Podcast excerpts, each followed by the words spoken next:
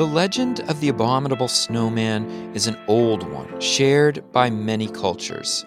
Yet it is also a 20th century story, one that connects scientists and enthusiasts from around the world, even across the political divides of the Cold War.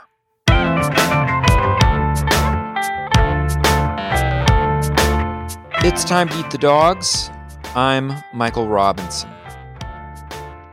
Today, Dr. Carolyn Roeder talks about the Soviet search for the abominable snowman and its parallels to other wild man legends in the United States and elsewhere.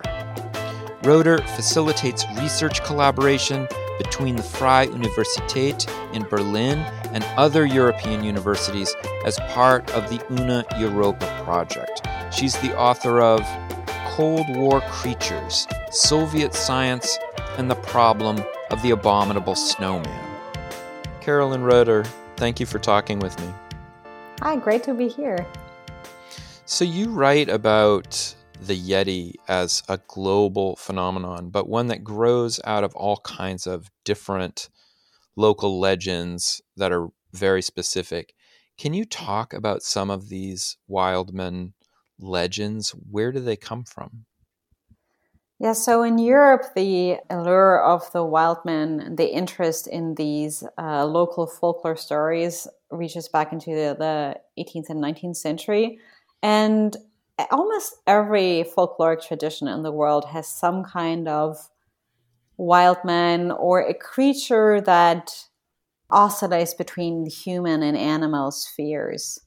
And so it was very easy in the 50s when the Yeti craze really started to find what enthusiasts thought were the historical evidence in those folkloric stories. And you can find them all over the world. And for the snowman enthusiasts, they um, basically provided a evidence that these creatures existed and have always existed. Is there a common set of features to the the Wildman stories that grow out of these earlier periods of time from the 18th century or before? So I haven't looked so closely at these like folkloric stories, um, and they do sometimes differ interestingly in the gender of these uh, wild men. In some places, they are more about wild women, so sometimes they have more of a gentle character and are helping creatures in some ways that in some places there are more creatures that are to be feared. Mm. there is a range of characters that appear in these stories.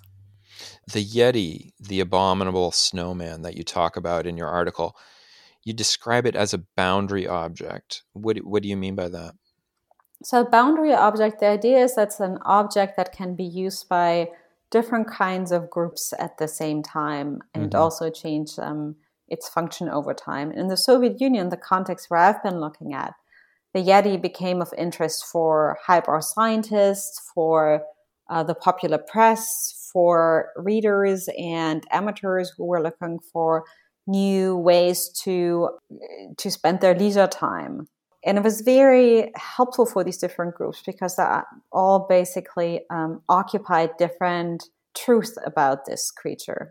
Mm.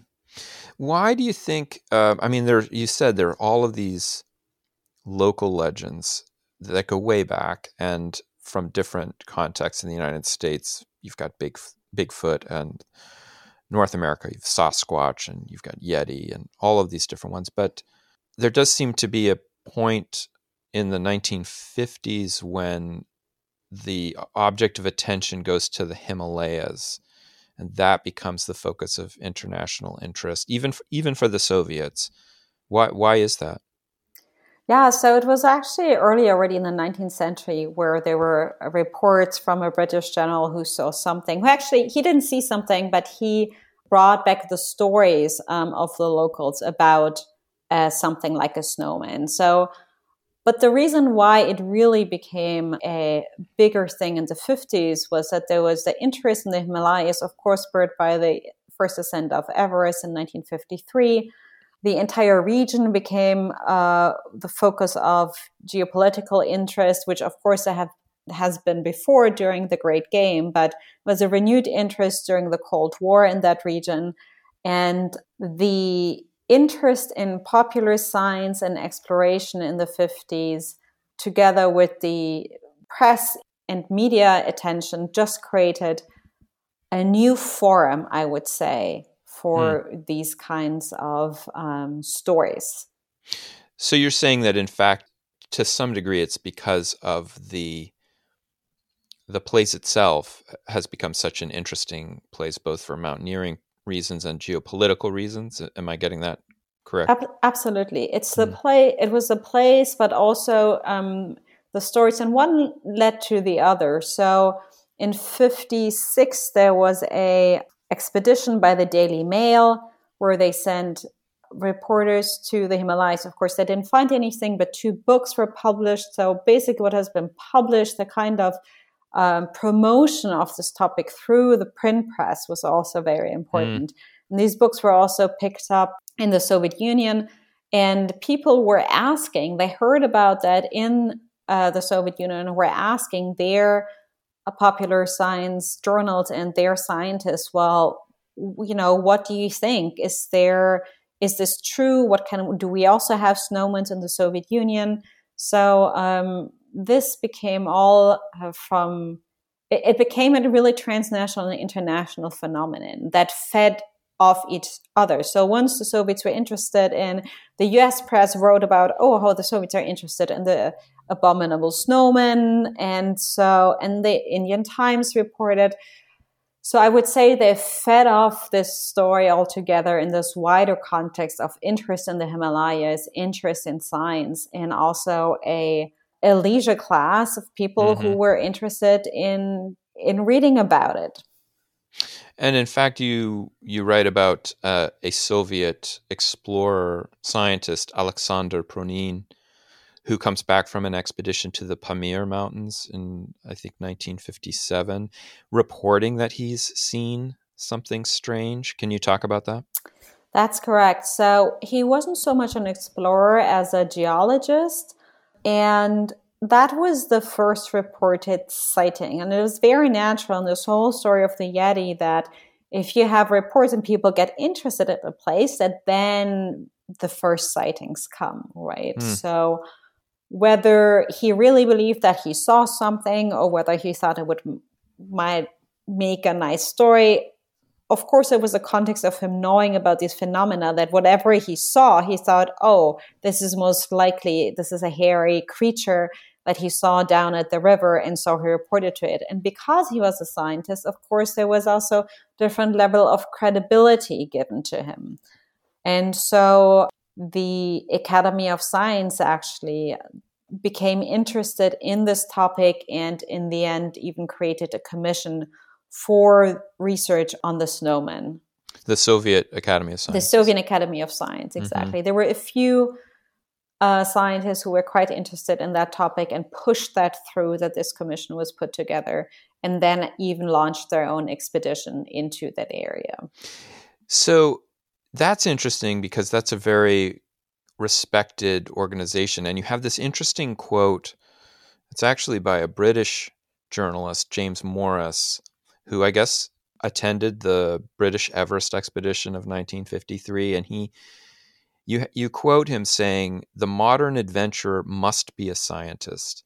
Future journeys of terrestrial exploration will be made by teams of clever and earnest men backed by governments rather than private societies. Is is that the nature of this kind of um, abominable snowman research in in the region?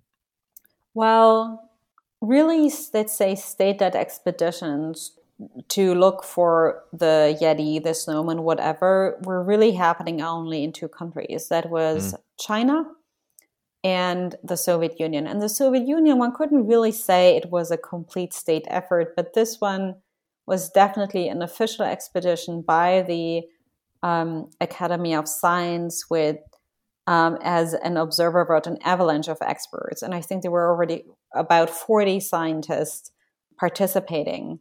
And those who were leading the expedition were so there were two Obruchev and Porshnev who were involved actually in the commission. They had previous interest in this whole story. And there was one botanist, Kirill Stanukovich, he was skeptical, but he thought maybe, you know, there's something to it. And what turned out that he was really interested in using this expedition for his other kind of research. Um, mm. So he uh, was a um, botanist also of high altitude plants. So it fitted very well uh, that there was interest and money to launch an expedition because just as everywhere else, and even more so in the Soviet Union, uh, research money is limited, particular for those kinds of botany, you know, if it's not necessarily related to things of primary interest to the state. And so it was also a funding mechanism. You know, today we would say, oh, you need to find a sexy research topic. And at that yeah. very moment, it, it was one. Um, and he was also the first one writing on his return home. So he also wrote popular books. He wrote, Snowman, it would have been wonderful to find you. We didn't find you. We can move on with science. Um, but thank you for thank you for the story, basically. Yeah. You know, there's this interesting thing about Yeti as you describe the search, this kind of scientific search for Yeti uh, among the Soviets in particular, which is it's well, I guess to back up a little bit, I, it was made me think about this historian Stephen Pyne, who writes a lot about exploration, and he he put forward this idea that there are three eras of exploration. the The first one is kind of the European voyages of discovery in the 15th century and 16th century, where you know people are really interested in getting stuff and converting people to Christianity. And then there's a second phase which is like the Enlightenment voyages, which are scientific in nature, but also kind of imperial. And then the third age of exploration that he talks about, he describes as an abiotic phase. That's like the 20th century, where people start going to places like Antarctica or under the water or into space where there aren't people to colonize.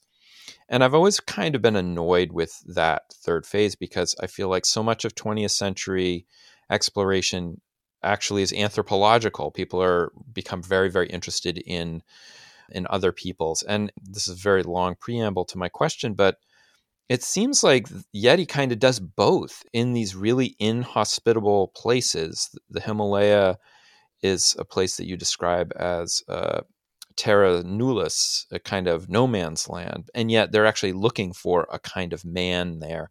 I don't know if you had any thoughts about that. Yeah, I think so. First of all, we got to say that the Himalayas, of course, are not really no man's land because people do did live there, right? So they were thinking of um, the question: Where does the habitat of the Yeti actually start? So in the real Terra Nulla, you know, going above six, seven thousand meters, maybe, mm-hmm. or four or five.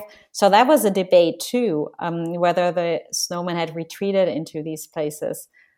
But the role of the local population was actually quite important because it was also a there were tensions about the kind of evidence people were looking for. So, for some Soviet historians, evidence provided by locals, whether it was for their, you know, in the Pamir or in the Caucasus, where then also they started looking for wild men, was something valuable. And for some scientists said, well, this is just superstition.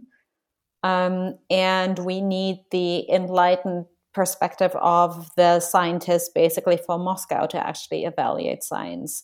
What was also problematic was, was that there was definitely at least a center periphery, if not even an imperial view on these peoples in these places, because the stories of wild men caused so much anxiety in some of the Soviet republics that already oh, wow. in 50, I think it was in 59, the Central Committee of the Communist Party in Dagestan wrote an official letter to the Communist Party in Moscow, to, to the Central Committee, and asking them to put a stop to both the work of the Soviet wow. snowmen and uh, of the Snowman Commission and also of the publications of Pravda and Komsomolskaya Pravda that they stopped talking about wild men in Dagestan and they said we're civilized, we, you know, we have reached the level of communism. There are no wild men here. so there was a clear sense that the search for sort of wildness in these places was um, also a what locals thought a distorted view of their level of achievement of civilization. So, so the anxiety you're talking about, it wasn't an anxiety that there are wild men r- actually running around Dagestan. It's an anxiety that that would undermine the idea that the Soviet republics are moving towards a higher level of progress. Exactly. So, what the debate created, these republics were afraid, was a um, hierarchies of civilization within the Soviet Union, which of course existed already in you know in general. I mean, these debates were real in terms of how mm-hmm. far they have gone, and the perspective from the center saying, "Oh, there are wild men running around," and like go and look for them. That was just not something that suited the the central committees in in those uh, republics. Mm. I, there was a book by Joshua Buhs who I'm sure you know, um, who wrote about Bigfoot a few years ago and um, a kind of cultural history of Bigfoot in the United States. And it seems like from that context, the scientific community was kind of on board at the beginning, but it soon became a subject that the scientific community abandoned but remained popular among amateur scientists and that those amateur scientists even create started to create their own scientific organizations. But in the Soviet Union, it seems this story seems to play out differently. Can you can you talk about that? Well, there are parallels that in the beginning there were established scientists interested in, for sure. They might have been even longer interested in this debate than in um, the US, possibly. What happened is that when that expedition came back to Petersburg or Moscow, respectively, um, where the scientists were from, the Academy of Science in Petersburg said, okay, we put an end to this. No more further snowman research. This is done. We looked for the creature. And some of those researchers, in particular the historian Boris Porshnev, was very upset about that and he actually relocated with some of his Yeti enthusiasts. So that was a Soviet way of calling them enthusiasts uh, to the Darwin Museum in 1960. And they thus started continuing their research. He also turned away from his what used to be very highly regarded research on French history. So he fully dedicated himself to the evolutionary questions around what he thought was somehow a missing link between the mm-hmm. Neanderthal and uh, and humans, and the Academy of Science they basically didn't allow him to publish. He published once something in um, a small booklet, and then I think later something in a literary journal. So not in established places and uh, try to engage the scientific community, also the international scientific community, in this debate, and nobody was interested in. So there was, um, so in that sense, they were continuing, but really at the fringes of science. And then the people who came after him when he died in the 70s really could be seen as more, well, they were scientists, but also amateurs. They were they were scientists, but let's say, doing this research in some more amateur ways because they were connecting to amateur communities across the world, also the US, and they actually still hmm. do so. So that really does parallel what's happening in the United States. There is this initial interest by the kind of established scientific community, and then it soon gets relegated to more fringe areas. Is is that correct?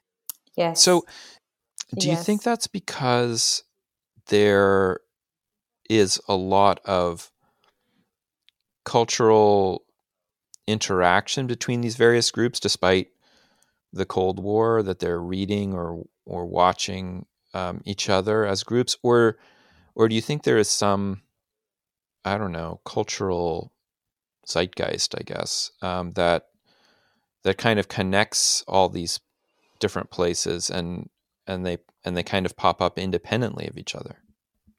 I would say both. They definitely read each other and looked at each other. So that's what I said when, when I meant they the, the press from both sides always picked up what the other press and what the other researchers were doing.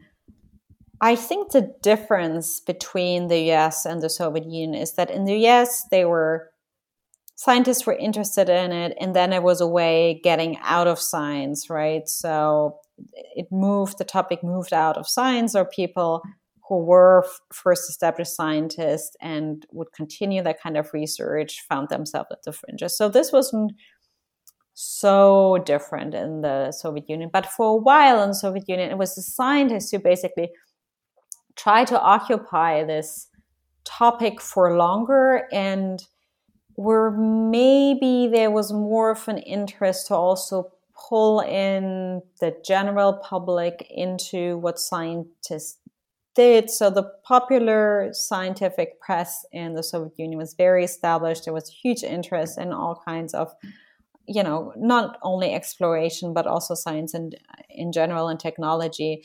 And the Yeti was always a good way to engage these people. But for a while, there were also debates among Soviet scientists should you leave this up to the masses, to the amateurs, or should scientists actually figure out the problem. They called it literally the problem yeah. of the snowman or not. So for a while they said, we don't even want amateurs anyway. You know, we do need scientists. And then there were some voices saying, well, no, you actually, we do, we make this more participatory. So this was in the 70s. And we, we, you know, sent out our students and everyone should look for the sign for the Yeti.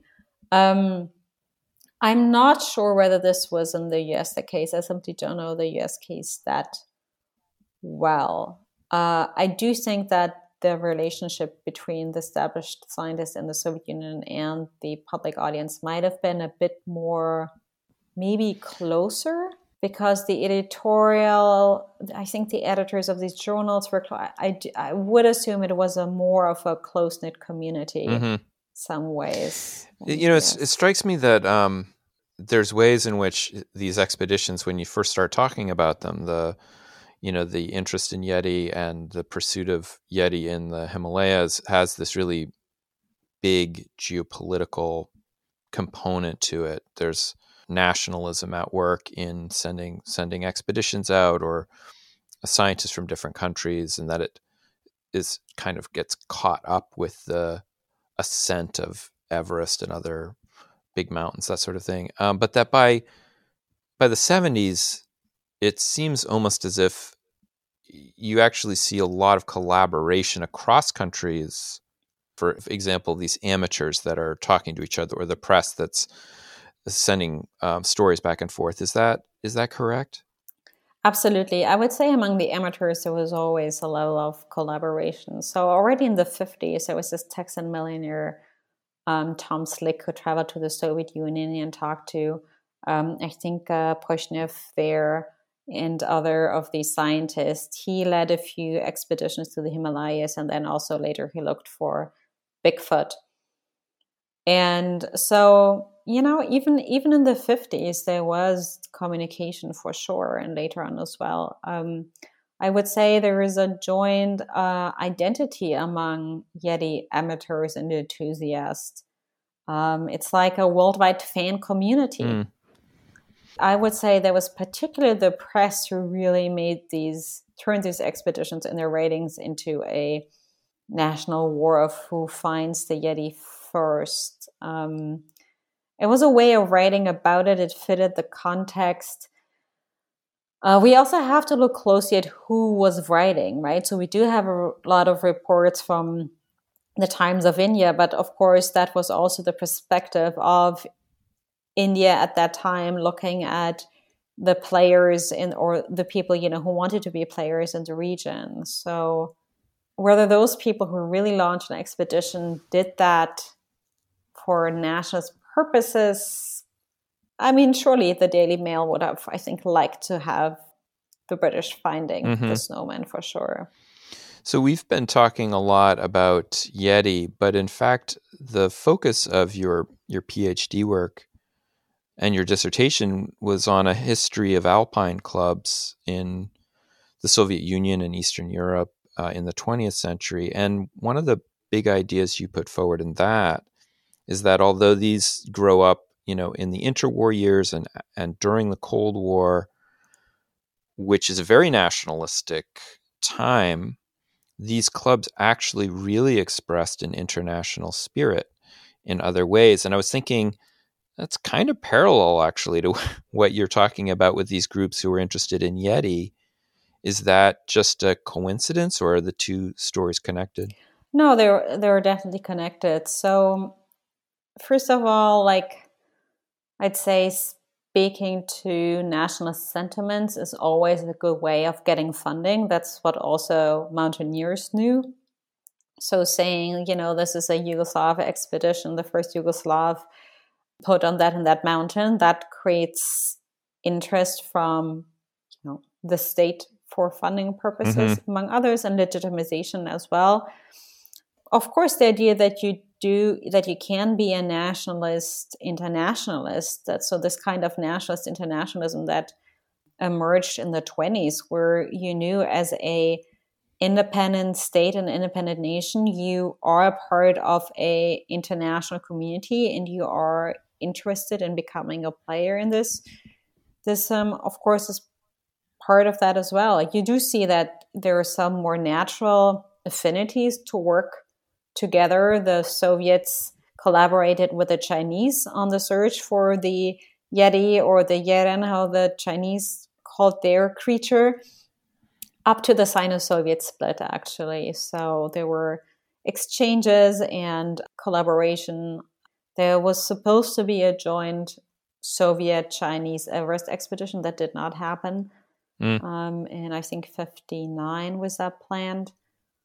But so you know, there were there were natural natural partners, um, but where the state was less involved, there was definitely also a lot of cross collaboration ac- across the Iron Curtain. I know that your article really is focused on the the 50s and the 60s to some degree to 70s. Um, do you keep appraised of the Yeti story today? I have no idea where it is. It's still there. I can say that I was contacted twice last year by documentary production companies in the US who wanted my expertise on the topic. If there's definitely still interest in that. I do see on Facebook that the Russian Yeti enthusiasts from the 70s are also still active and you know organizing conferences and looking jointly with people from the states for Bigfoot. There was a uh, comment by Putin, that was a while ago, but it was also a comment on the, I think, first international Bigfoot Sasquatch Yeti conference uh, after the Cold War. I think that was maybe 20, 11, mm. um, where even Putin was asked about his opinion on the Yeti. And he said, Yeah, I'm not sure if it exists, but you know, everyone is welcome to come to Russia and look for it. So it's a topic that does not seem to get old. Yeah. Until you find it. Carolyn Roeder, thank you so much for talking with me. Thank you, Michael. It was great to be here and talk to you. That's it for today. The music was composed by Zabrat. Make sure you check out the Time to Eat the Dog's website podcast links and other exploration related stuff. And if you get the chance, please take a minute to rate and review the show wherever you get your podcasts. It really helps make the show visible to new listeners. And if you want to recommend a guest or make a comment, feel free to contact me at time to eat the dogs. That's one word, lowercase at gmail.com. See you next week.